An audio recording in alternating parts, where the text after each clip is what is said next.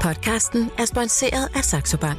Vil du investere i aktier til nogle af markedets laveste priser på en brugervenlig investeringsapp, Saxo Investor? Hør mere efter podcasten.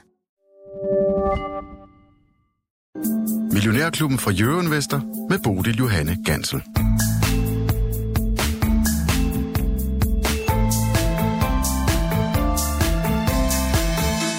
Døren er slået op til endnu en børsuge, og dermed også til 55 minutters finansdebat her i mandagens Millionærklubben. Godmorgen og velkommen til.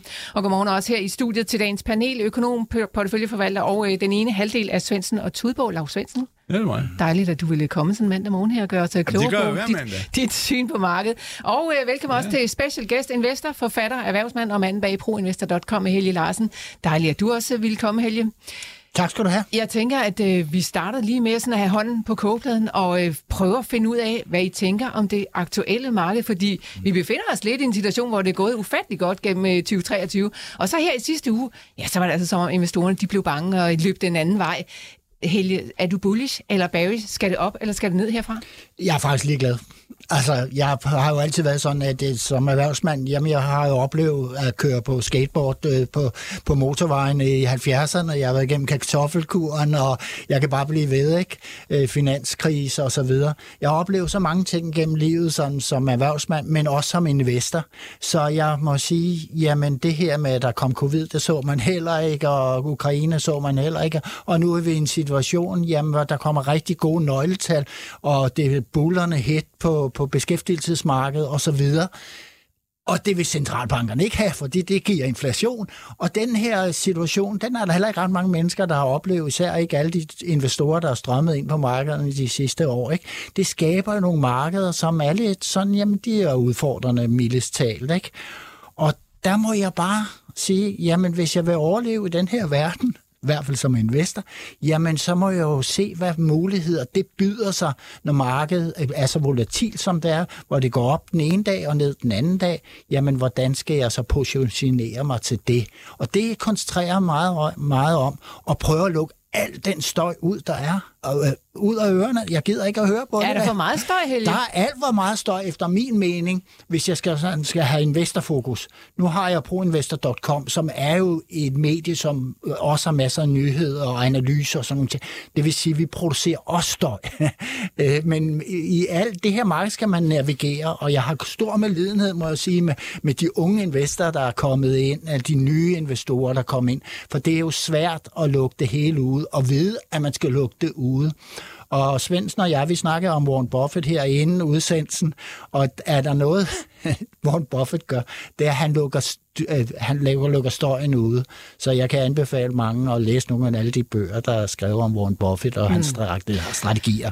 Det en virker mand, meget fornuftigt. som øh, har været med i ganske mange år, og som øh, måske også øh, ja, fik en heldig hånd i forhold til, hvornår han kunne starte med at gå ind på det der aktiemarked. Han har i hvert fald haft masser af, af medtur igennem de år, han har investeret. Lars Svendsen, øh, ja. det lyder som Helge Larsen, han er så sådan relativt positiv. Han er i hvert fald ikke sådan øh, stinkende bekymret for, at det hele skal sådan vælte ned. Jeg var sådan helt ekstraordinært øh, heldig at få lov at læse dit nyhedsbrev fra Svendsen og Tudborg i øh, slutningen af sidste uge. Der skrev du blandt andet sådan her, VIX-indekset indikerer lav risiko. Det er helt forkert efter min mening. Q4-regnskaberne har været matte. Vi befinder os i et minefelt, og FUP-fortællingen om en blød landing vil sandsynligvis snart punktere. Du lyder ret negativ. Ja. Jamen, det, jamen jeg, jeg har jo ikke haft, haft ret i... øh, Jeg, jeg mener jo, eller det var den der min arbejdshypotese for lidt, for første halvår, som jeg lavede i december, begyndelsen af december, og også stået herinde hos Jørgenmester, så det var jo, at vi ville få et V-formation, ikke? at markedet øh, ville opdage, at vi er ude i en stagnation eller recession, altså økonomisk øh, nedgang, og vi har høj inflation, og renterne ville køre væsentligt yderligere op. Og det har jeg ikke fået ret i. Øh, tværtimod har vi haft rebound i USA, og, og de er jo op med, med øh, hvad ved jeg, totalt set 7 procent eller sådan noget, og, og vi har jo også kørt med på ryggen af den der. Så, så nej, det har jeg ikke haft ret i, og, øh, men det er det stadigvæk, jeg tror, øh, bliver tilfældet, og derfor er jeg øh, sådan, øh, for markedet som hele, er jeg, er jeg hvad hedder det, øh, øh, negativ, men, men så er det jo der, hvor jeg, og så altså mit fordi det er en balancegang også. Ikke? Der er mange øh, signaler. Du kan se, der er en øh, bank for de store, der siger, at, det, øh, at øh, SAP kan gå i 3200, det skal jeg sådan set også.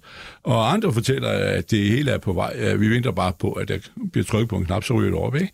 Så der er sådan meget øh, delte meninger, men, men det, det, og indtil videre er det jo optimismen, der kører det. Ikke? Og så kan man jo sige øh, om, om alt det der, at, øh, at jeg har jo så det held, at jamen, jeg har øh, jeg har simpelthen så mange penge stående i rædderier, så det er trods en beskrivelse. Øh, og jeg ikke tør at sige det højt til nogen, øh, at... at, at, at Slet ikke derhjemme, men, jamen, eller hvad? ja, og i og med, at de så heldigvis går godt, så har jeg jo sådan lidt rygvind. Og, og så kan jeg jo bedre tillade mig at have aktier og fortælle, at aktierne sådan set skal ned. Øh, fordi jeg har så et, øh, et hjørne, som indtil videre stadigvæk kører op. Mm. Det, de store problem kommer jo, når det holder op med at køre op, det Ja, der. ja, Fordi ja. så er ligesom til den mælkeko, jeg har haft, øh, så, så begynder den at, at, at, at, at svigte. Ikke? Så, så det er den, og, og jeg vil så sige, og så den sidste, det er jo den med, altså, hvis der bliver fred i Ukraine øh, på en eller anden måde, øh, om det er kineserne, der brækker armen rundt på, øh, det er jo det, jeg, det er en ny arbejds, arbejdshypotek, jeg har på russerne, ikke? eller hvad det nu er, så, øh, så bliver alt godt. Og så får vi, og så, bliver der, øh, så kommer den på en anden måde, fordi så får vi formentlig, øh, hvad hedder det, rigtig inflation. Så får vi inflation, øh, anden udgave, fordi så skal vi ud og fyre kassen af, du. Så skal du bare se, så skal AP Møller have fulde containerskib og fuld fart frem, og du kan ikke bestille bordet øh, tre måneder frem på en restaurant, og det bliver... Alt bliver godt for Nå, økonomien, jamen, men problemet- altså, Lars Svendsen, det bliver vel ikke jo- godt for aktierne så, hvis vi får Jo. meget mere inflation, og renterne Jo. skal endnu højere Jo. op. Bliver øh, aktiemarkedet ikke nervøs over det? Øh, Jo, men så er vi jo for først, øh, så begynder inflationen at stige, ikke? og så de her centralbanker, de vil sidde som en flok tosser, hvad de så også er, øh, og, og, og, og, og udstille, at de er helt øh, væk fra det. Og så må han begynde at, men obligationsrenten vil køre op. Mm. Så obligationer, det er L-O. Vi må selv tage de sidste to bogstaver. Og, og hvad hedder det, så kører aktierne op. Og, øh, altså, øhm, øh, øh, inflation inden for rimelighedens grænse er godt for aktier. Det er jo firmaerne, der sætter priserne op, jo. Bare til på Larsen. Han har sine, alle sine virksomheder der. Han har syv, øh, det er en hel koncern, ikke? Han Der sidder der er, og øh, skruer på prisen hver, hver søndag. Nej, jeg har jo faktisk været, siger- forrige gang jeg var i Millionærklubben herinde, så fortalte jeg om det her med, at jeg oplever hele tiden, at når nogen der sælger varer til mig, eller tjenesteydelser, at det stiger, stiger, stiger. Ja. Og jeg har ikke, der er ikke nogen tendens til, at de her prisstigninger forløbig er, er stoppet over en bred kamp. I, Ja, du har en helsegårdsforretning, øh, Lau- eller Stor Ole Helge Larsen, og det er det, som du selvfølgelig køber ind til, og der ser du altså direkte, Ja, og jeg, jeg hvordan har jo en gruppe, jeg firma og en fabrik og så videre, Ja. ikke? Så, så jeg mærker jo alle de her ting. Men det, jeg vil sige, når, jeg kan sagtens give uh, Svendsen ret i det her, i den her analyse med, at vi, vi kan godt risikere et, et ordentligt brag ned på aktiemarkedet. Men for mig, når du spørger mig, Bodil, så, så tænker jeg ikke så meget på det her støj, der er i markedet. Jeg tænker jo mere, hvor kan, kan jeg som købmand og investor agerer i det. Mm. Og, for, og der handler det ikke om at have ret i nogle hypoteser. Det handler om at gøre det rette i situationen mm. som investor eller som købmand. Sådan så når man selv, for eksempel da vi gik ind øh, covid, og vi skulle lukke vores virksomheder ned, jamen altså, så fik jeg jo banket netshop op på 14 dage, som, som ligesom tog over så vi havde noget omsætning tilbage. Jeg var den første med mundbind, der kunne, kunne levere i større mængde. Ikke? Så altså, det gælder om at være hurtig på fødderne som investor, og det især i år. Og det er altså min, øh, min, min udgangstese. Ikke? Du skal være hurtig, du skal være omskiftelig, du skal gøre dit arbejde rigtig godt. Hvad skal jeg grundlæggende holde mig fra, når renterne stiger? Det er jo sådan nogle ting, som Enig jeg tænker meget om. Uenig. Der er altid noget at debattere, og der er altid muligheder Altid. også ude på aktiemarkederne. Ja. Vi skal omkring nogle af dem i dag. Vi skal også omkring nogle af de lakserselskaber, som landede regnskab i sidste uge, og høre Helges øh, syn på, hvordan det så ud. Og så var der selvfølgelig også et Genmap-regnskab, som øh, jeg er sikker på, at Helge Larsen også har en øh, kommentar til. Og hvis du har spørgsmål ind til de to herrer her i studiet, ja, så er du velkommen til at skrive til mig på 42 42 03 21. Husk at starte dit besked med Mio. Vi nåede ikke at svare på spørgsmål i fredagens udsendelse, så vi prøver at tage ekstra mange spørgsmål herind i, øh, i løbet af i dag. 42 42 03 21 er nummeret. Husk at starte din besked med Mio. Ja, Lars Svendsen, øh, vi skal lige have føling med markedet derude sådan Ja, en mandag morgen. ja. Der kom et regnskab fra Noble, altså dem, som øh, Mærsk Drilling fusionerede med, og Ja. ja. det kom så til at hedde Noble, som det samlede, Ja. så på en eller anden måde forsvandt de måske lidt ud af vores, øh, ja, øh, vores Ja. periferi i forhold til, Ja, hvad vi ja, holder øje ja, med. ja, ja. Kigger du på, på sådan et selskab som Noble? Ikke mere. Øh, jeg havde jo en Mærsk Drilling, som jo stammede fra fra mine AP Møller-aktier, der stammer helt øh, 20 år gamle, ikke? øh, i mit øh, ejerskab. Men øh, hvad hedder det? Så der fik vi nogle af dem, og dem måtte jeg jo så sælge for, øh, øh, og det var lige cirka 5 procent af, af værdien, der lå derovre. Men, øh, men nej, det gør jeg ikke, og jeg, jeg, jeg er, det er, jo, altså, det, er jo, det er jo en god idé at gå sammen, og de har noget stordrift, de skærer ned og flytter, så vidt jeg ved, den europæ- det, der var i Danmark, bliver flyttet til Stavanger og sådan noget, men... Øh, men vi har jo talt meget om øh, olieaktier ja. også her jo, jo, i programmet, Lars ja, Hvis man synes, men... at, at man gerne vil ind i olieaktier, og man gerne vil have noget, som man sådan ja. måske føler er lidt dansk i hvert fald, øh, kunne det så være et sted at kigge hen? Ja, det er det jo så, hvis man stadigvæk synes, at det er dansk. Men det er jo endnu et, øh, sådan et, øh, de, de bor jo i, i Texas, ikke?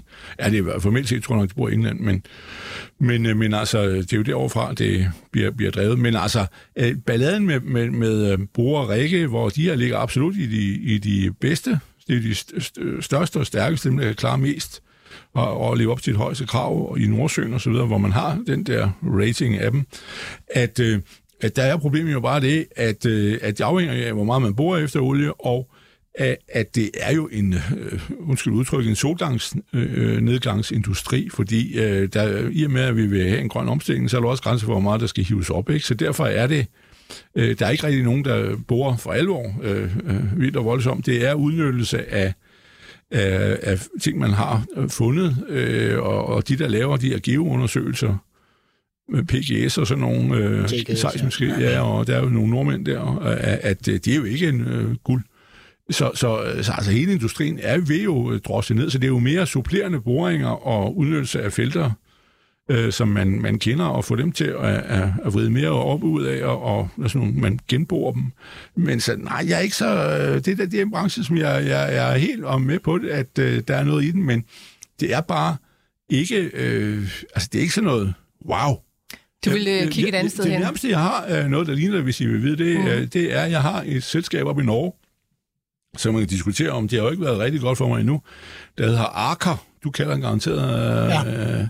Larsen, A-R-C-H-E-R. E og Archer, eller hvordan det skal udtales, er jo en, der er et serviceforetagende, lever efter borer, men på land. Øh, så hvis du skal have et hul i jorden, de havde øh, meget over i Rusland, de måtte jo så trække sig ud af nu, men de har også meget over i USA øh, og andre steder i verden. Så hvis du skal have et, øh, et, øh, sådan et borselskab, og de har været smadret jo, mm. og jeg har da heldigvis fået købt dem dernede, øh, Øh, men, men, øh, og nu er den så stedet, så jeg tror, jeg, jeg købte på 3,5. Den koster op og 5, og koster knap 5 nu. Så der er øh, plads til forbedring opad. Og det er jo en aktie, der er kommet fra, jeg ved ikke hvor meget. Og han er jo på vej tilbage, fordi øh, der bliver boret så meget, og det er jo øh, altså også alle de der over i Amerika, hvor de bor efter skifer og alt det der gas. det er over i Amerika. Olie. Jo, jo, øh, men, men, men, men, men, men, det, er jo, det er jo meget, meget billigere, end at øh, have en, en øh, borræk ud, eller et boreskib, der skal have øh, 200.000 dollar eller, eller mere om ja. døgnet. Øhm, ARCHR, ja. tickerkoden AR CH, hvis man selv vil ind og kigge ja. på det. Helge Larsen, det forestiller mig også, at du øh, havde et eller andet selskab, som du øh, enten investerede i eller holdt øje med inden for det der servicesektoren. Ja, jeg havde Seismik, øh, var inden for den sektor der, ja. så der havde og der har sket nogle øh, opkøb i den branche, så det var rigtig godt, det afsluttede jeg så her sidste år, det her.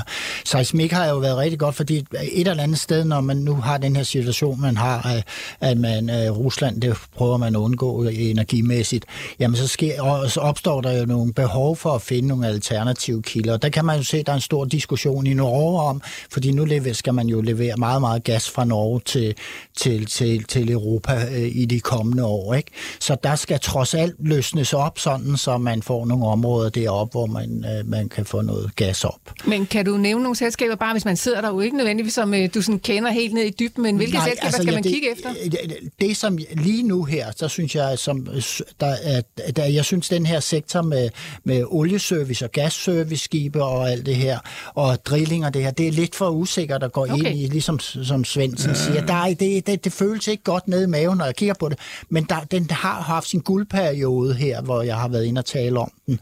Øh, øh, men jeg holder mig, i den sektor, der holder jeg mig til min Equinor-aktier stadigvæk, og det vil jeg nok blive ved med mange år frem. Jeg har jo haft den en del år efterhånden. Mm. Så er der Vor Energi, som er sådan ligesom udsprunget af et italiensk virksomhed, som er blevet børsnoteret i USA. Og som den ved jeg, Svendsen også har. Ja. Øh, den er jo også sådan, du ved, at man kan ikke rigtig blive klog på den, men, mm. men at, at der er ingen tvivl om, at der er et stort cashflow for de her øh, store olieselskaber mm. øh, de kommende år, både på gassen og så på olien. Fordi vi må jo sige, uanset hvor mange vindmøller vi får op, og hvor meget solenergi vi får op, så vil der stadigvæk være en stor efterspørgsel efter olie og gas. Jeg tror altså også, at det er lidt ved at kigge ind i den retning. Øh, jeg har jo troet, at olien skulle nedad i pris, ikke? En overgang. Og så, det den så, øh, der solgte jeg så med olieaktier, og så købte jeg bare halvdelen tilbage i den der, hvor der er så købt noget mere af. Men, men jeg tror egentlig, at olien godt kan gå op igen, også hvis vi får øh, enten får fred, øh, så, så vi alle skal ud og, og, og hælde i gang, og kineserne skal til at gang i økonomien igen. Og det er jo verdens største olieimportør. Men, øh, men, men, øh, men øh, det andet er, at, øh, at hvis russerne, hvis Rusland går i udo, det vi snakker om et par gange, øh, simpelthen, det hele går i, i smadret I ved ikke, hvad der sker. Jamen, og så mangler der lige pludselig øh, af de der, øh, hvad hedder det, øh, 3,5 plus øh, et eller andet lille million tønder produkter, altså 4,5 million tønder på verdensmarkedet ud af, uden Rusland øh, er det et eller andet med øh, 95 millioner tønder. 96 millioner tønder, så kan olieprisen ryge, jeg ved ikke hvorhen i verden, ikke? Øh, øh opad. Og derfor, øh, jeg, altså, jeg kigger meget på, øh, på at og jeg læste, i, nu kommer lige lidt info, Øh, hvis I læser øh, øh, ham her, øh, hvad hedder han derovre, TK Tankers øh, rapport, der lige er kommet, TNK er koden, der siger han jo, at øh, fordi OPEC øh, skærer ned, øh, og, og nu skal russerne så en halv million tønder ekstra ned, men så bliver det, der hvor olien skal komme fra, det er fra Norge, det er fra Guyana, det er vist nok Exxon, der har olien der, og så er det fra Brasilien, og så er det lidt løst for sådan nogle lande i OPEC, som kan skrue en lille smule op. Men, men det er de der, der skal øh, redde verden, kunne man sige. Ikke? Okay. Øh, også fordi, at Iran kunne jo komme ind i spillet også, men øh, dem er, de er ved at være så meget out nu, så mm. de får ikke Men lov. øh, det var så, altså TK Tankers ja. øh, med deres øh, årsregnskab. Ja, der stod de der, her. der hvor, hvor altså skolen en... kom fra. Ja, okay. Og den aktie, jeg så, så går rundt og kigger på, øh, som jeg ikke går i forvejen, men som nu bliver bekræftet af dem, det er Petrobras. Det er sådan lidt hissig, ikke? Det er, når man skal Det snakkede vi om for tre måneder siden. Ja, ja, så ja. siger de, siger, hvorfor ja. kan du købe det? De er jo korrupte og alt muligt over. Den ene sætter præsident sætter den anden i fængsel, og alt det der. Ja, det gør de. Aren't they all? Nå, no. ja, okay. Men, så, øhm, øh, yes, ja. de her en øh, børsdag, hvor vi altså lægger fra land øh, med et øh, lille plus på det danske ja, marked. Der er altså stadigvæk aktier derude, der får gevaldige Hook Nick Company er nede med 3,5 øh, procent. DSV får også lidt hug her til morgen, og en Stor Nord, som er blevet mm. basket altså fra den ene side til den anden her igennem det her år. Det har været en, ja, noget af en nedtur for dem. I toppen der har vi altså Pandora, Nordea og Royal Unibrew. Man skal have det godt i maven med de aktier, man investerer i, Helge Larsen. Det kan jeg forstå på dig. Og der er altså stadigvæk muligheder derude, uanset om det er blæsevær blæsevejr eller ej på aktiemarkedet. Nogle af de steder, man måske kunne kigge hen, det er jo altså i forhold til lakseaktierne, som du har kigget på igennem mange, mange år, som du også har talt med os om her. Og der kom rigtig mange regnskaber i sidste uge. Så sådan, altså det generelle billede, Helge, jeg ved godt, der er nogle, der er nogle, øh, der er nogle øh, udfordringer for dem i forhold ja. til skatten, men det generelle billede, hvordan går det så med lakseaktier? Jeg bliver nødt til lige at nævne det med, med, med skatten der, fordi det ligger jo, i, det lægger jo en dæmper på, på, på festen, ikke? Altså den norske regering går ud med et forslag her sidste år, at man skal lave en grundrettende skat på 40 procent øh, på de her lakseselskaber, og det er jo ganske gevaldig stigning, fordi det er den produktionsaf, lille produktionsafgift, man har haft på tidligere, udover at man selvfølgelig betaler øh, skat af den normale øh, øh, selskabsskat og så videre. Ikke? Så foreslår man 40 procent, og det skaber jo et fuldstændig kaos i et marked, som helst har været utrolig stabilt og velindtjenende og ro på tingene og sådan noget lignende. Ikke? Så skaber det jo lakseaktierne tordner jo ned, ikke? Og, og der er stor usikkerhed, fordi man laver et forslag, der skal skal sendes til høring her i foråret her. Så det er det, der er resultatet er, er, er, at vi får et svar på det i her i marts måned på et tidspunkt, for hvad, hvad skal skatteprocenten være? Mm. Så derfor sidder man som investor på gæret og venter, puha, hvad sker der der? Men selskaberne, jamen de klarer sig jo glimrende. Altså, lakseprisen er meget høj. Udbud er stadigvæk meget stort. Markedet vil jo meget gerne have noget, der er sund fødevare, der virker på hjertekarsygdomme og inflammation og alt muligt andet. Så man skriger efter varen overalt i verden. Og nu er USA blevet en af de helt store importører af norsk laks, endnu større end de var i forvejen. Når, når der, i takt med, at der kommer gang i Kina igen, så øh, med efteråbninger med covid, så kommer der en stor efterspørgsel derude fra andre steder i Asien. Og selvom man får recession, så, bliver, så er er det her den her sektor har jo vist sin styrke gennem tiden. Fødevare, jamen det bliver man ved at have, også selvom det er sådan måske en lidt luksuriøs spise. Så det vi har set med de her øh, regnskaber, der er kommet fra Q4, jamen de har jo været ganske glimrende. Der har været biologiske udfordringer. Der er jo nogle for, forskelle. Man kan sige, sådan nogle selskaber som Salma og Leroy, som er meget, meget kraftigt øh, eksponeret øh, på, hjem, øh, altså på hjemmefronten, altså i Norge, hvor de har deres opdrætspladser. Jamen de har haft biologiske problemer rundt omkring. Et selskab som Grig, som har været smertensbarn, nu kan jeg lige sådan sige, det er et selskab, som jeg stolede på sidste år i august. Efter mange år gik jeg ind igen. Det skulle jeg ikke have gjort. De holdt bare et kvartaler uden at biologiske udfordringer, som med lakselus og andet øh, sygdom, som var det i deres øh, farme, og så kom det med et dårligt resultat her nu. Men det har gået ellers der er masser af penge, der er stor cashflow i den her branche, og vi venter bare for en afklaring af skatten. Ser man så et firma, der Bakkefrost, som ikke skulle berøres af skatten, fordi det hører til på Færøerne, jamen så røg Bakkefrost med i puljen, af, fordi der er masser af udlandske investorer, der faktisk også forbløfte, når jeg er holde foredrag, der er forbløfte mange, der tror, at det er et norsk selskab. Det, er, men de er det altså ligger not- lidt deroppe af. De er noteret, de er noteret men de hører til på Færøerne, mm. hvor man faktisk har, udover at Bakkefrost, har man en glimrende industri deroppe, op af unoterede selskaber, som også laver luksusprodukter inden for laks. Mm. Men Bakkafrost er også røget ned. Men Bakkafrost kommer også med et godt regnskab. De har fået styr på, for alvor fået styr på biologien på færgerne. Det klarer rigtig godt. Så har de jo købt op i Skotland, og det har jeg talt om mange gange herinde i Millionærklubben. Øh, det var jeg glad for, fordi der er biologien svær, svær Det er jo noget med øh, temperaturen i vandet og sådan noget, der, der ikke er helt så god, som det, det er på færgen og i de norske fjorde. Men altså, øh, ja, de klarer sig også godt, får nogle gode resultater. Og øh, vi går bare og venter, og jeg står og taler meget begejstret for det her, men altså, jeg bliver jo banket helt ned under gulvbrænderne, hvis de kommer de 40 procent, som de så Helge, det lyder til, som du siger, at det er altså gode og sunde selskaber, sådan overordnet set i hvert fald, men at man måske lige skal holde sig lidt på måtten, fordi at øh, man kan lige så godt vente til den her skatteafgørelse eller skatteprocent er blevet fastlagt. Jeg vil sige, at i mit netværk derude omkring af investorer, også på ProInvestor, så er der altså temmelig mange, der har gået ind og døbet togen, og også der ikke har været lakseinvestorer før, men så nogen, der går ind på events og siger, okay, nu falder den her på grund af noget politisk, det kan jo også have været noget lovgivningsmæssigt og alt muligt andet, nu falder den her sektor, så går vi ind og investerer der. Det er der mange, der har gjort. Men at de er jo også skarvet, øh, så de, de, de investerer ikke mere, end de kan tåle og, og, og, og, og tabe.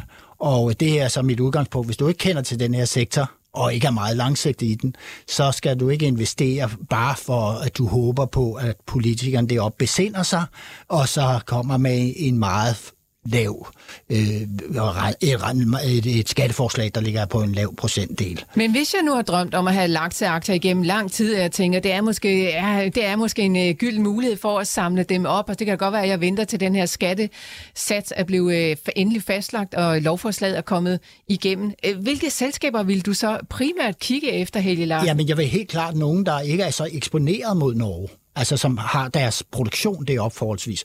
Der kan vi tage Movi, verdens største producent. Øh, de er jo over hele verden, alle steder, hvor man kan ligesom, øh, og det er ikke ret mange steder trods alt, det er, det er Canada, det er øh, øh, ved, ved, ved, ikke i Asien, men øh, Canada, Chile og sådan nogle steder, der har de jo masser af opdræt Movi. Så de har rigtig meget, der ligger uden for Norge, som ikke bliver ramt af den her beskatning. Altså der ligger selskaberne derude for, så det det er, det er de norske selskaber, det drejer sig om. Det er sådan en grundrenteskat, ligesom de også har lagt på, de kommer til at ligge på vindkraft også deroppe. Ikke? Altså, mm. når der er en vindmølle stående, så koster det altså. Øh, så, så jeg vil sige, at Movi er godt, og så er Bakkefrost jo også godt. Øh, på et eller andet tidspunkt finder man jo ud af at prissætte den rigtigt, fordi det ikke er et norsk selskab. Ikke? Så de to er rigtig gode. Øh, jeg vil klappe hesten, hvad angår for eksempel Salmar, som er næststørst i, i, i verden. Altså, der vil... mm. Men Anders han øh, skrev ind til os i uh, sidste uge, og det lover vi nemlig lige at tage op med dig, Helge. Han spurgte nemlig lige præcis, hvordan I ser på fremtiden til Bakkerfrost, om kursen skal op eller ned, og det ved jeg ikke, om du sådan på den måde Ja, altså, ja, det bliver sådan et... Ja. Altså, har du et godt selskab, mm så skal øh, kursen jo, hvis de bliver ved med at præstere resultater, og det går fremad, jamen så skal kursen jo opad hen ad vejen. Sådan, sådan går det jo som regel. Og de er jo knalddygtige købmænd med Bakkerfrost. De er øh, rigtig gode til det, de altså på, på, i produktionsøje med, men de er jo saftsus også gode til at gå ud og lave kontrakter med supermarkeder i hele Europa for eksempel. Ikke? Så, og de laver produkter, som er specielt efterspurgt. Der er jo mange, der er kritiske over, fordi de ser nogle YouTube-videoer om, hvor forfærdeligt det er i de norske fjorde osv. Jamen, så vil, er der restauranter i Danmark, som er meget bekendt, som siger, jamen, vi skal kun have færøsk laks, og der er det bakkerfrost. Og den tendens er der jo også i New York ved, ikke? Mm. Så På vej ind uh, her til morgen, der lyttede jeg uh, til P1, hvor de havde Verdensnaturfonden med igennem, som snakkede om, at uh, efter de her eksplosioner i uh, Nord Stream 1 og 2 i, i Østersøen, ja, så er der så blevet virvlet simpelthen så meget skidt og affald og alt muligt andet dårligdom op i, i Østersøen, sådan så at man kunne måske frygte, at nogle af de her fisk øh, blev øh, for øh, farlige at spise. Hey, er, er, det, det kan godt være, det er en lille historie, men er det noget, der sådan kan sætte sig ind i de her lakseaktier? Overhovedet ikke. Mm. Altså, øh, det der var problematikken med opdrætslaks, hvis de skal have et eller andet PCB eller noget andet ind i kroppen, så er det jo gennem det fødder, de har, og det er nemt at kontrollere. Der er så mange fordomme det her. Man kan jo gå ind og læse på videnskab.dk. De har en pragtfuld artikel, hvor man virkelig går op, jamen er vildlaks sundere end opdrætslaks? Nej, det er det ikke, for vildlaksen er netop i de miljøer, ude på havene, hvor man PCB og, og alle mulige andre giftstoffer, det kan man, det får de ind i sig. Men opdrætlaskene bliver jo fodret med kontrolleret foder. Så den forskel er der. Så kan man så sige, at næringsmæssigt er der en højere andel af omega-3, det sunde fedtstof. Det er der i de vilde i forhold til de opdrættet. Men mindre det er nogen, der er opdrættet med meget marint foder. Altså noget, og det er, må vi sige, det jo, ser vi jo så på færøerne med bakkerfrost, jamen de får en højere andel af det her sunde fedtstof. Okay. Det var Bo Østebjerg, generalsekretæren i men jeg har hørt det også i morges, ja. Ja, som var ude og det er og mere tale for der. de der de fisk. Vi har haft fiskeriforbud i Østersøen jo i mange, i mange omgange. Ikke? Så der, det må jeg sige, fisk fra Østersøen har haft et højt indhold af dioxiner. Mm.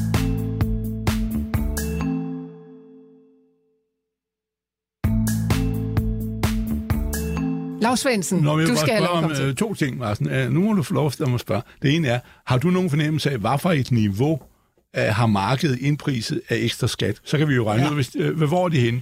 Det, har, det har jeg ret godt det Ja, niveau. hvad, hvad, hvad er det? Det er, at det, mange analytikere har været ude og sige, og det har man også hørt, fordi de er jo meget, meget utætte, de der politikere. De slipper ja. mange uh, budskaber ud, og det er jo for, kurspåvirkning i stor grad, og det har det også været i det tilfælde, Ja. ja. at man slipper ud, at man vil gå ned til 15 procent.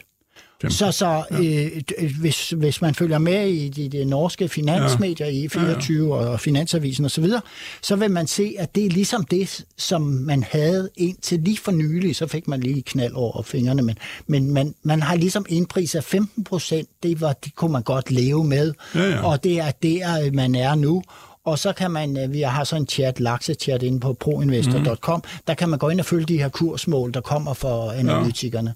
Ja. Og øh, der må jeg sige, jamen man, man har indregnet noget, der er noget lavere end de 40 procent, de giver ud for. Det vil okay. også sige, der er ikke sådan, så, altså umiddelbart, hvis jeg siger dem 15 jeg vil jeg sige, at så er der altså ikke noget, der tyder på, at når de kommer med en aftale, at så bliver den lavere end det, så, hvad hedder det, så, det, det er jo i sig selv, øh, ser ikke ud til lige at give upside på aktien. Så Nej, men så vil man så bare sige, ja lad os nu komme videre. Ja, ja, det er jo det. Altså, Men så er den andet spørgsmål, Og håbe på en ny regering næste gang. Jo, jo. Men øh, fred om det der. Men, men, men, men det er, hvad med, hvad med skov? De ejer jo biomar, der laver fiskefoder. Hvad, er, er, er der ikke noget i ham? Øh, Nej, det synes jeg faktisk er. Det er konglomerat ja, skov, ja, ja, ikke? Og Biomar er en fantastisk virksomhed. Ja, ja. Men Biomar har jo haft nogle problemer i relation til, det er jo dyrt. øh, og, og producere det her, og, og, og råvarerne og transport og alt muligt. Så jeg vil sige, det- biomar eller skov som, som Ja, ja, ja, ja, investeringsobjekt. Ja. ja. synes jeg er en af de her øh, rigtig gode virksomheder, men den når det er konglomerat, så er der en konglomerat rabat, Ja, ja, ja. plus og øh, at øh, du skal jo så tænke på, jamen der er nogle selskaber, der er sexede, og nogle, der er usexede. Og det har været et, usekset selskab i for mange år, synes okay. jeg. Ufortjent. Nå, okay. Nå, okay. Øhm, så vidt, altså Laksen. Vi skal videre til et af de andre selskaber, som du også øh, ynder at tale om øh, her i Millionærklubben, og som du har været med investe, investeret i ganske, ganske mange år. Det er Genmap. Helge Larsen, de kom med regnskab i sidste uge, og det fik altså masser af de store investeringsbanker til at gå ud og øh, nedjustere deres kursmål. Blandt andet Deutsche Bank nedjusterede det fra 3100 til 2750. Øh, Det, var, var det godt, eller var det skidt? det Regnskabet var jo godt nok. Det er alle jo enige om, at det var re- rigtig, rigtig godt regnskab. Men det er guidingen. Og vi skal altid huske, at når man, når, når, man, man, når man nedgraderer ting, så, øh, selskaber, så er det fordi, som regel, altså en ting er, at de kommer med gode eller dårlige regnskab, men det her med, hvad man guider fremover, det er jo det, man styrer efter. Når vi investerer i aktier, jamen så styrer vi efter situation, der ser et halvt år frem eller et år frem i tiden. Og så kommer de jo ud her, i Genmap, og så må jeg jo så sige, jamen dollarkursen har jo faldet kraftigt i forhold til de, det, som de har, har haft rigtig glæde af, og mange andre life science-selskaber i Danmark har haft glæde af, af, af da den lå op over 7 kroner. Ikke? Og øh, så kommer de ud, og, og de, de guider med en omsætning, hvor man de øh, kalkulerer med 6 kroner 80 for dollaren. Og hvad gør analytikerne, og hvad forventer de sig? 7 kroner 20. Mm. Så når deres modeller og regneark skal indregne det her, så kommer nedjusteringerne. Plus er der jo nogen, der tager ned, der, der siger, at det bliver forholdsvis øh, begivenhedsløst øh, s- år, vi kommer ind i. Og der, der er Jan van der Winkel fra, fra Genmap, CEO. jeg siger jo, Ja. han er jo meget mere positiv, og det kan jeg jo godt forstå. Øh, det har han jo været gennem mange år, og han har fået ret hver gang. Ikke? Nå, det er du vel sådan set også, Helge Larsen. Ja, ja, det er jo. De kommer med en afløser forhåbentlig. Øh, Ergotamumab. Det, det, er sådan Det er noget med map. Ja, ja, ja, ja. Det kommer de med her, og man, det forventer man så rigtig, rigtig meget af fremover hvad er det godt for? så det er også inden for, øh, øh, for blodcancertyper, mm. og, og, og, og det kan bruges i kombinationer og alt muligt andet. Ja, ja, ja, ja. Og, så, og, øh, og så er der, hvad nu det hedder, Øh, så har de en voldgiftssag med, med Jansen øh, øh, omkring øh, med, hvor, sammensætning af royalty og hvordan er frem og tilbage. Og øh, der mener man i forbindelse med det her, at øh, de har en større chance for at vinde den, end den forrige, de havde. Ikke? Jansen, som så. er en del af Johnson Johnson-koncernen, øh, det er ikke bare er en en anden tilfældig mand på gaden. Okay, godt. øh, Så vidt altså også lige uh, Genmap, øh, der, det vælter ind med spørgsmål, så jeg tænker, vi retter blikket derhen. Blandt andet fra øh, Lone, som skriver til os fra Aalborg. Hun skriver, tusind tak for jeres program. Jeg hører, at Helge Larsen er med jer i dag, så jeg vil gerne høre hans mening aktuelt om Photocure og Anavex. Uh, Anavex, så vidt jeg husker, et eller andet biotekselskab. Men lad os starte med Photocure, for det ved jeg måske også, at Svendsen han har en, en holdning til. Ja, hvad tænker du om Photocure? Altså? Photocure, øh, det er Svendsen og jeg, vi snakkede om det for 6-7 Ja. år siden. Ja, og for et kvarter siden talte vi også om Ja, ja, men... Øh, ind, ja. der Nor- norsk selskab. Ja, og Ja. der var jeg med i Photocure, altså et selskab, der... øh, Ja, du, kan, du kender jo teknologien faktisk bedre, end jeg gør i dag. Men det er jo ikke et medicin eller sådan noget, det drejer sig om en indvortes eller noget, man får sprøjtet i bagdelen. Det er jo dels en, en diagnoseteknik, og så er det øh, via lys, og, og så kan man også bruge det i, i behandlingsøje med. Så det er sådan lidt anderledes. Det, det er sådan faktisk inden for medicinsk udstyr, øh, øh, Medico, ikke? Men jeg var rigtig glad for det her selskab, for jeg synes teknologien, og det var til blærekraft, det var sindssygt spændende. Og øh, jeg var med, og, og så var jeg med i nogle år, og så øh, slap jeg den. Mm. Og jeg kunne, kunne ikke lokke Svendsen med på den, vel, dengang. Jo. Ja, men du Ja, det kom så. Jamen, ja, efter nå, jeg havde ja. solgt den Ja. ud. så solgte jeg den, fordi jeg, jeg ville vente. Jeg, jeg havde ikke lyst til at vente. Der kom hele tiden en masse forsinkelser. Der var jeg ikke den tålmodige investor. Så solgte Det var jeg ud af aktien. Og så kører Svendsen. Og så først her ja. mange år efter, så kommer Svendsen og siger til mig, "Helge, ja, tak for det. Ja, tak. Ja, det man skal komme og sige tak. Ja, Jeg- det sagde du, øh, tak. Nu ved jeg ikke, hvad jeg skal give dig, men... Og så øh, må jeg det- en citronvand. Ja, det kunne jeg gøre. Og den rejse var jeg ikke med på. Nej, nej, men det er jo rigtigt. Og, og faktisk, ja, vi, det var vi talte vi om lige på vej ind i studiet, der inden vi åbnede. Fordi jeg sagde nemlig til, øh, til, til, øh, til dig, at nu er der måske chancen igen, fordi den er faldet på, øh, på, på regnskabet her. Og øh, derfor har jeg jo, jeg har dem jo endnu. Altså, historien var, at jeg købte dem, efter du har fortalt om dem, købte jeg dem på 38. Jeg har også haft dem på et tidspunkt herinde i vores portefølje. Og så, så måtte jeg sælge den igen, fordi den, øh, den øh, faldt en lille smule. Så var jeg nede i 25, og så tænkte jeg, nej, slog hånden i bordet. Det kan være løgn, det her. Det er en god virksomhed. Den kan det der, den laver, og det må lykkes, selvom det tager tid. Det er den der berømte lov om, at alting tager længere tid, undtagen af selv det, der står i en andens lov, der der, ikke? Men øh, det tager længere tid. Så købte jeg en ordentlig røvfuld. Den har jeg så, så jeg har et eller andet en mellem 25 og 38. Men alt det der, det er jo historie, Lars. Ja, men jamen, så har vi oppe i 150 mm her, og øh, for, for øh, måske godt over halvandet år siden. Og nu er vi så nede igen. Eller nu er vi i 81. Og den er god nok, og det regnskab, der kom forleden dag, har jeg siddet og læst også lidt på. Det går faktisk en rigtig vej, øh, og det går meget godt, og så videre, fordi de har jo produkter på markedet, som bliver brugt til at finde kraft i blæren. Det er det, man bruger det til. Øh, og så øh, er det det der med, at de vil også gerne lave til behandling ved hjælp af, af, af, af lys, så vidt jeg forstår det. Men øh, at, øh, så, så den er øh, øh, på vej ind, men, men de brænder jo, altså de penge, de tjener, bruger de reelt set på at markedsføre sig selv og udvikle noget mere. Og det, jeg vil sige på den måde, at øh, jeg taler ikke, fordi jeg har den selv, men, men jeg mener, det er en af dem, jeg holder, og jeg tror, han bliver købt op en dag af en eller anden stor fyr. Det, de laver, er rigtigt, det bliver brugt, og det står ude på hospitalerne. Man fortæller, hvor mange af sådan nogle, øh, øh du skal have sådan noget teknik for, man kan bruge det, altså øh, på sygehuset, øh, for at du kan bruge deres stof øh, øh, til at finde ud af, om der er kraft i blæren. Og øh, det øh, antallet af dem der, den piler jo op, altså kommer salget bagefter øh, af, af deres øh, produkt. Ikke? De laver ikke det der instrument. Det er der et andet foretagende, gør. Ja. Men, men, øh, men så, så, så den er, altså jeg vil sige på til fruen der i Aalborg, den er god Lone. nok. Jeg, jeg, tror på, jeg tror på den, og jeg satte på den, og jeg, nu har jeg jo forholdsvis mange, øh, fordi værdien er stedet og så videre, men det var altså godt noget, jeg øh, på... Øh, nu er den øh, øh snuddykket her fra 110 til... Jamen, du skal slå i bord igen, Lars Svendsen. Det ja, hjælper åbenbart. Igen. Og Larsen skal med. Og Larsen skal ja. med. Ja, altså... Det, Kom så, Larsen. Jamen, jeg, det tid til dig. Da jeg kiggede på teknologien dengang der, så jeg var jo godt klar over, hvad havde man... Så kiggede jeg på, hvad, hvad ja. var der ellers af muligheder i relation til at gå ind og kigge i blæreslimhinden ja. og, og, og, alt det der. Jamen, der var jo ja, der var ikke noget, der var så godt. Og det er jeg stadigvæk enig om. Men ja. jeg, har, jeg har et eller andet sted, måske i hustruens pensioner, har jeg måske et lille frimærke, men det er ikke mange tusind kroner. Ja. Men men det er helt klart, det er et af de selskaber, det er også, den har jo også stadig været på min boblerliste, sådan, sådan er okay, der er nogen, der ligger med noget. Men i og med, at det har taget så lang tid, så mistede jeg til sidst tålmodigheden. Og jeg vil sige til, hvis man sidder derude og tænker på at investere i så et selskab, jamen så skal man tænke på, at man kan investere et frimærke en lille beløb, ja, ja. og så holde øje med den fremover. Den har en børsværdi på 2,5 milliarder norske, ja. og en norsk krone koster kun 70 øre. Så det er 1,75 danske. Altså, det er ikke meget. Nej, det er ikke det i forhold til altså, det, jeg, jeg, jeg må sige, at... Øh, Ja, og de du har taler din bog, det kan jeg godt høre, Lars. Og alt det der. Ja. Så, men, men, men det er... Du tror på den i hvert fald? Det er, hvad det er. Og, og jeg vil sige, hvis du har den op, i Aalborg. Jeg kan ikke se, at der er grund til at skynde til udgang. Så var der Anavex. Så er der Anavex, øh, et selskab, som jeg må indrømme, jeg ikke kender særlig godt, men jeg har lige hurtigt været inde og kigge.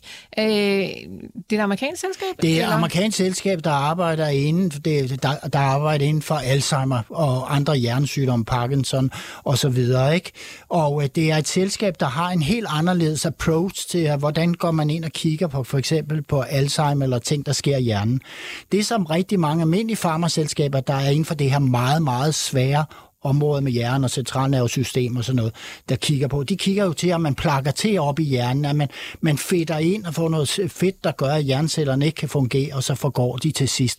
Her tænker man helt, helt andet, og så prøver man at få et affedtningsmiddel, og det er det, der, der er fra Biogen, og hvem der ellers laver det. Jamen, de, øh, de laver sådan nogle affedtningsmidler, og når så siger man, at hvis man fjerner fedtet, så er problemet overstået. Og sådan spiller det ikke ind, fordi Alzheimer er jo kompleks øh, øh ledelse. Der er ud over det, der er det her med, at man, man øh, fedtet og stivnede hjerneceller, og der går i søvn. Der er der inflammation og alt muligt andet derop. Og det her med at genoprette hjernecellerne og reparere døde celler, øh, eller øh, ikke så velfungerende celler og alt det her, det, jamen, det, det går også i stykker og i stykker hos de pågældende, og det sker i takt med, i primært med, at vi bliver ældre, når det drejer sig om Alzheimer, som desværre også viser sig nu øh, at ramme lidt yngre mennesker også. Men her har Anavex en helt, helt anden approach. De siger, at vi går ud med et middel, øh, så, som gør, at den her måde, at vi med øge autofagien, det er det, at vi selv renser op i vores egne systemer i kroppen, også i hjernen, og prøver at, at den vej genoprette tingene, øh, det viser, har vist sig i forsøg, at det har fungeret rigtig, rigtig godt. Det har fungeret og i museforsøg og i menneskeforsøg, og man har en masse gode resultater hen ad vejen, og nu er man jo så kommet med et endelig stort resultat, øh, men det diskuterer man jo så frem og tilbage, og man prøver lige at som sige, at alle de data, vi har på det her, kan vi lave noget, der er overbevisende nok at sætte det sammen, sådan så vi kan gå til FDA i USA, og så få en eventuel hurtig godkendelsesprocedure igennem, og så eventuelt en endelig godkendelse den anden ende. Mm-hmm. Men ligesom med Photocure, så har, øh, som laver noget helt unikt og anderledes måde at se tingene på, så har vi det også i Anavex. Og det virker, man har en sygdom, der rammer øh, børn unge piger, øh, specielt på grund af en gensammenstænding, hvor de får en sygdom, i, der hedder RETT, ret øh, hjernen, der virker det rigtig godt på. Altså man har fat i den rigtige ende på noget, som man inden for moderne medicin kigger meget på. Kan vi understøtte kroppens egne bekæmpelsesressourcer i at øh, og hvad nu det hedder, bekæmpe inflammation, cancerformer og alt muligt andet. Men Helge, det er vel et selskab, som ligger inden for det, vi kalder, det er relativt binært. Altså enten kommer det til at lykkes, eller også kommer det ja, ikke altså, til at lykkes Man har for rigtig gode resultater i det mm. her. På en eller anden form skal man nok kunne bidrage med den her teknologi i, i, i, i, til sygdom i, i centralnervesystemet. Og man har for eksempel, man laver forsøg i Australien, hvor, der, hvor, hvor, hvor det er jo helt fantastisk. Man ser jo videoer af mennesker med Parkinson og sådan noget, som har fået det langt bedre. Sådan. Så der er noget i det. Og det bedste ved det her, det udnytter, det, det ændrer nogle ting i kroppens øh, øh, autofagisystem, altså det her med at rette op på det selv. Og øh, det bedste ved det her, at bivirkningerne er minimale. Mm. Hvorimod det, der kommer fra Biogen, kan, som, som virkelig er diskuteret blandt fagfolk og også i, internt i FDA, det er jo, her har man et, et, et middel mod Alzheimer, som alle råber op. Også Alzheimerforeningen Danmark. Hey, nu har vi endelig noget. Men okay, nu kigger vi på bivirkninger, jernblødninger og alt muligt andet. Okay. Så det, det er et svært område, og Anavex har fat i en, en, en lidt stor fli efterhånden i det. Men det er et selskab, der er amerikansk og noteret i USA, og der er biotech ikke for sart sjæl. Det er shortet, det er manipuleret, der kommer analyser ud, som man kan se, der er bestilt, at der, der vil komme shorternes, godt shorternes ærner osv. Det er virkelig voldsomt. Så igen, det er et frimærke, og så kan man se, holder teknologien på et tidspunkt, kommer der ekstra øh, opdateringer på data, der godt, så kan man købe lidt mere. Øh, jeg, har du det primært? Jeg vil sige, inde på øh, proinvestor.com, der har vi en kæmpe community på Anavex-aktien. Mm. Der, det er fagfolk, der har folk fuldt det her i mange år. Men ingen de, aktie på bogen? Hvad siger du? Du har ingen aktie jo, på bogen? jeg har en lille. Okay, lille og jeg, jeg kigger på det den ene dag, okay. så står det i 12 dollars, og så næste dag står det i 6, og så ryger den op på 8. Og, og, og, og det er biotech, amerikansk biotech. Ja. Buha. Øh, 9,72 er den seneste kurs, jeg har en ja. her fra i fredags. Øh, aktien har kørt lidt sidelæns her i løbet af 2023 år til dato, kun op med 0,41 procent. Den handler altså på Nasdaq og tigger kun. Den er AVXL, hvis man selv vil ind og kigge lidt mere på den. Nå, øh, Simon skriver ind til os. Har Helge stadigvæk den samme holdning til Skatek? Skartek? Skatex Solar er jo et selskab, øh, som, øh, som øh, opfører solfarme over, øh, over hele verden. Øh, og øh, det var jo, jeg har skrevet den om min bror, den tog ud investor i 2018. Det var et selskab, jeg regnede rigtig stærkt med, at, det, at, at, at var der en af vinderne inden for det her solsegment, altså dem, der laver farm, øh, så kunne det være Skatex Solar. Det, der sker nu her efter øh, øh, vi har covid og det her, det er, at vi får den her kraftige inflation, og så får vi det her stigende renter. Og et selskab, der giver sig selv, sådan som de gør det op ved, at de går ud og, og, og låner penge til at sætte de her solfarmer op, og så får de en indtægt efterfølgende, de er jo voldsomt ramt af, når renterne stiger. Og det må jeg sige, den situation havde jeg jo nok forudset øh, at kunne, kunne ske i markedet, men ikke på den måde som nu her, hvor vi også har, vi har at det er forudsat primært af meget, meget store øh, prisstigninger på materialer, altså de er jo stedet voldsomt, de pris, de her solpaneler og alt mhm. muligt, og transport og så videre, ikke? Så, så Skatex Solar, klap hesten, men den er langt nede i kurs, men uh, de har ikke noget som uh, stor aktionær, uh, så ja, Sol er en vinder på sigt, så jeg beholder min position, som jeg købte for mange år siden. Mm.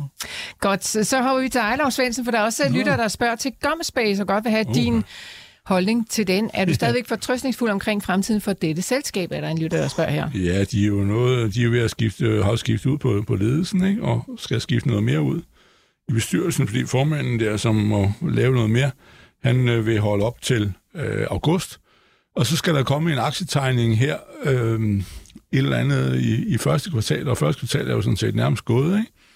Så, så det må jo snart være meget, meget tæt på, på, på, på, på trappen med den, fordi de har brug for nogle flere penge.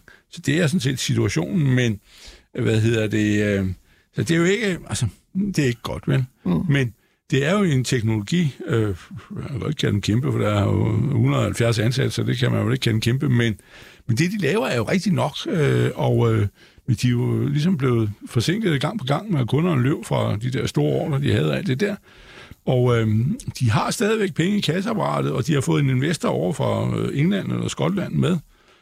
Og øh, han øh, skulle også være med igen her. Øh, hvem han så end i virkeligheden er, det ved vi jo ikke. Det kunne tænkes, at han øh, er en frontløber, som øh, har nogen i venner i... Det er jo som min... Det er jo ikke for at beskytte på noget, men ligesom har nogen bag sig.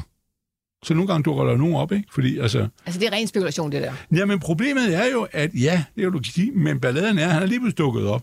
Og de har brug for nogen, og han har fået lov at købe nogle aktier en gang, og nu skal han også være med den her gang, så vi ved. Men pointen er jo, at det er jo en virksomhed, som jo øh, har nogle meget, meget større teknologier end, øh, end de magter.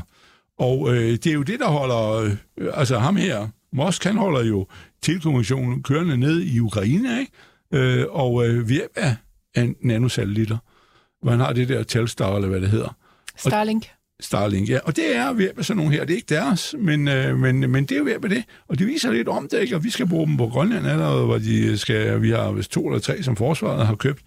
Jeg ved ikke, om de er leveret endnu. Det tror jeg nok, den ene er, men øh, hvor de flyver rundt for at overvåge øh, områderne, alt det der. Og det kan bruges til ufattelig mange ting, blandt andet det der med øh, telekommunikation. Så den er god nok teknologisk, men de har jo, øh, det er den med, der alt, alt er for langt øh, i mål, og de er jo blevet øh, gået øh, ked, øh, eller død på kunderne to-tre gange store projekter. Ikke? Så, Lars så, Svendsen, ja, det er, hvis nu jeg skal drille dig lidt... Ud. Jeg har hvis, den, og jeg hvis, holder ud. Hvis nu jeg skal drille dig lidt, ja så synes jeg, du lyder lidt som nogle af de her tech-investorer, vi nogle gange taler med, som siger, ja. at øh, jamen, selskaberne de er gode nok, mm. men øh, vi har bare ikke helt, det markedet har ikke helt opdaget det derude, ja. at det skal nok komme, og vi skal bare have ja. lidt tålmodighed. Ja. Ja. Jeg ville lige gjort med biotech. ja, jo, jo, men det er jo rigtigt, men det, det, det, der, det der så pointen her er jo, at det er mere, øh, mere simpelt, altså fordi det er jo øh, ting, som, som findes, og hvor så... Øh, Grovspace øh, stærke kort er jo, så vidt jeg forstår det, kommunikation mellem sådan nogle enheder op i, i rummet, hvor den ene kan tale med den anden, og de kan sende det ned til jorden. Mm. Det er øh, den del af deres øh, trumfkort. Det kan jo ende med, at det bliver deres øh, redning, at de ikke øh, bliver en, der kan leve hele øh, satellitten, men leverer nogle komponenter til det. Men altså, øh, jeg har jo sagt flere gange, at øh, Saab i Sverige, som jo også aktier i, men øh, var jo sådan en virksomhed, som kunne ville være ideelt øh, overtage det, fordi det er jo noget, det er jo, man har haft den første dem der nanoer, det er jo satellitter, der ikke er større end, end som så, ikke? Øh, de er op til 60 cm, og i princippet kan du have en, som er, er 10 cm, ikke? At, at øh, sådan en lille bitte en, der dåse, der flyver rundt øh, derop, at, at, at, at, at der kan du jo sige om dem, at den første kom op i 2005, Altså, hvornår har du en uh, teknik, uh, og, og det er jo noget, en fysisk mm. vare. Okay. Altså, så du det er ikke, tror på det er ikke uden blå luft. Stadigvæk, uh, selvom den er... Den er, det er oppe i, den 80-200 km højde. Så vi er altså svar til uh, Anders Forhus, der har skrevet ind om uh, Gomspace på 42 ja. 42 03 21. Vi kan stadigvæk lige nå et par spørgsmål, så skriv bare herind. Der er kommet et spørgsmål om Atlantic Sapphire, Helge Larsen, og det er til dig. Det er Thomas, der skriver lige præcis om uh, det danske lakseselskab Atlantic Sapphire. Det er lakseopdræt på land. De havde en brand på et anlæg ved Hvide Sande sidste år. Kommer de igen, og ved deres landbaserede lakseopdræt til nyde fordel af, at øh, det i Norge bliver dyrere at opdrætte laks i havet på grund af den nye skat på deres produktionsform? Øhm, altså, det største anlæg, de har, det er jo, øh, og det som man, man egentlig skal købe sig ind i, så et selskab som det, det er det, de opførte i Florida, øh, som er, er, er kæmpestort, ikke? og de har et stort marked, potentielt marked liggende i New York. Men som jeg altid har sagt, og jeg har været meget skeptisk, øh, skeptisk over for de her landbaserede anlæg, det er, at der er utrolig store udfordringer ved at lave det på land. Det er øh, meget dyrt, og det er, når man skal tænke på energiomkostninger og sådan noget, og, som man nu skal nu om dagen, så bliver det jo ikke billigere det. Men det, der er ved, ved, ved, ved ved, ved, ved, ved det, at man laver i bassiner, det er jo, at det er det der miljø, som skal efterligne naturens miljø, hvor laks kan trives. Det er ikke nemt, men hvis saltindholdet bliver forkert, eller pH-værdien bliver forkert, jamen så dør så et helt, kan så et helt dør, bassin dø, ikke? og det er jo ikke særlig sjovt. De har haft kæmpe udfordring med at få tingene til at fungere i Florida. Og det er jo også derfor, at, at selskabet, det er, kursen er drættet helt i bund. Der er rigtig, rigtig mange penge og norske millionærer, og også en del danske eller også norske milliardærer, der skyder penge i sådan noget som det her. Og der kommer landbaseret opdræt over hele verden, øh, ikke kun for laks, men også alle, alle mulige andre øh, typer fisk. Men og det skal nok på et eller andet tidspunkt bidrage med, med, med, med til udbuddet af, af laks. Men øh, jeg vil øh, tro på det, for jeg ser det. Mm. Øh, øh, og så vil jeg sige, at det her med, med, med, med man siger, at grundrenteskatten ikke vil ramme det her. Det vil det heller ikke i Norge umiddelbart. Men hvis nu tænker sig lidt om, så skal man huske på, at mange af de penge, der suser ind i landbaseret, det kommer jo fra de almindelige, dem der er opdræt på, på, på, på, ude på vandet, det kommer jo derfra, for dem, der ejer de selskaber. Og når man, man barberer deres, de her store ejere, med faktisk op til 80 procent, hvis du lægger alle rentesatserne sammen, øh, hvis du barberer dem med det, som de vil op i Norge, så investerer de jo mindre i landbaserede anlæg. Og, øh, og er de den penge nok til at overleve? Eller, hvad, ja, ja, ja, derop. Nej, det der Sapphire der? Øh, nej, jeg tror, de skal ud og hente flere penge Nå. igen igen. Øh, og øh, nu er anlæggene de er jo store, og de fungerer jo, altså de er jo splittet op, sådan, så der ikke er øh, intern kontakt altså i infrastrukturen i mellem bassinerne. De gør rigtig mange ting, og det er nogle dygtige folk, det er nogle dygtige biologer, de har det her selskab. De har de bedste af de bedste. Mm. Men øh, lad os nu se, altså jeg vil vente og se med så et selskab og landbaseret, jamen når de kvartal efter kvartal kan få tingene til at fungere, få biologien til at fungere, så kan man begynde at investere i den her sektor. Det øh, vælter ind med beskeder her på sms'en fra øh, hvor nogle af vores vores lyttere, som altså tordner imod din øh, debat om lagt, Helge Larsen, ja. og det er ikke nyt. Vi har det hver eneste gang, hver at du er med gang. i studiet, og, og, at du og taler jeg må om sige, jeg, jeg er faktisk grønnere end grøn, og har altid været det, og jeg har tænkt, undersøger meget de ting, jeg har med at gøre. Og til alle jer, der sidder derude og, og, og, og også kommer med meget grimme beskeder i mine indbakker, når jeg har været med i de her udsendelser. Prøv nu at gå ind på videnskab.dk, på, til kontakt Mattilsynet i Norge, spørg hvilken undersøgelsesreporter, fødevaremyndighederne i Danmark, hvordan de undersøger laks, hvad finder de? Og så den her, skal vi lige afløbe øh, løse en stor myte, det er, at man fylder dem med antibiotika, de her laks, det har man ikke gjort siden 1993. Så prøv, prøv lige at undersøge tingene inde i taler, prøv at få fat i i alt, hvad I kan af rapportmateriale, og prøv at gå ind og læse på videnskab.dk, gå ind og brug deres, deres øh, hvad nu det hedder, søgefunktion, og skriv laks, vildlaks. Prøv lige at se, hvad der ligger af, af resultater fra anerkendte laboratorier, der undersøger de her ting. Og så prøv lige at kigge på kyllingopdræt øh, og alt muligt andet. Jamen, det er ikke det er ikke sjovt, hvis man har et blødende hjerte for dyr. Noget som helst af det her masseopdræt. Sådan er det bare. Men vi skal jo have noget at spise. Så. Det er ikke lutter lavkage, det hele, Nej, men der er, er altså ikke. steder, man kan finde informationer, og man kan sikkert også finde informationer om det modsatte hele. Ja, man kan få men, men det, sin... Man kan få nuanceret, og det jeg bare vil sige, det er, at uh, du plejer at være helt utrolig flink og sidde og rar til at uh, svare folk igen, hvis de Det gør hvis de jeg, men jeg har ikke tiden til det, for jeg får så mange spørgsmål om det her. Så lav jeres egen research, og så øh, prøv at undgå YouTube-videoerne, fordi der er rigtig mange af dem, der er groft manipulerende. Ja, eller Så- bland jer i debatten inde på nogle af dine forer her, Ja, ja, det er Larsen, man hvor der altså til. er Mere masser af laksedebat øh, på bruginvestor.dk. Øh, Lars Svendsen, ja. lad os øh, bruge øh, lige et blik på Vi er oppe med en halv procent. en halv procent. Ja, ja, ja, ja, og vi får en masse regnskaber i morgen for rædderier, så det bliver en stor dag. Jeg håber, den bliver god. For dig, Avance Gas B, øh, WLPG Frontline, blandt andet og mange, mange flere. Det kigger vi på i morgen, hvor du er med i studiet igen. Tusind tak, fordi I lyttede med derude. Tusind tak til Lars Svendsen og Helge Larsen, der var med her i studiet. Tak til øh, Louis Falkenberg, der stod for teknikken i dag, og tak til jer, altså, der lyttede med derude.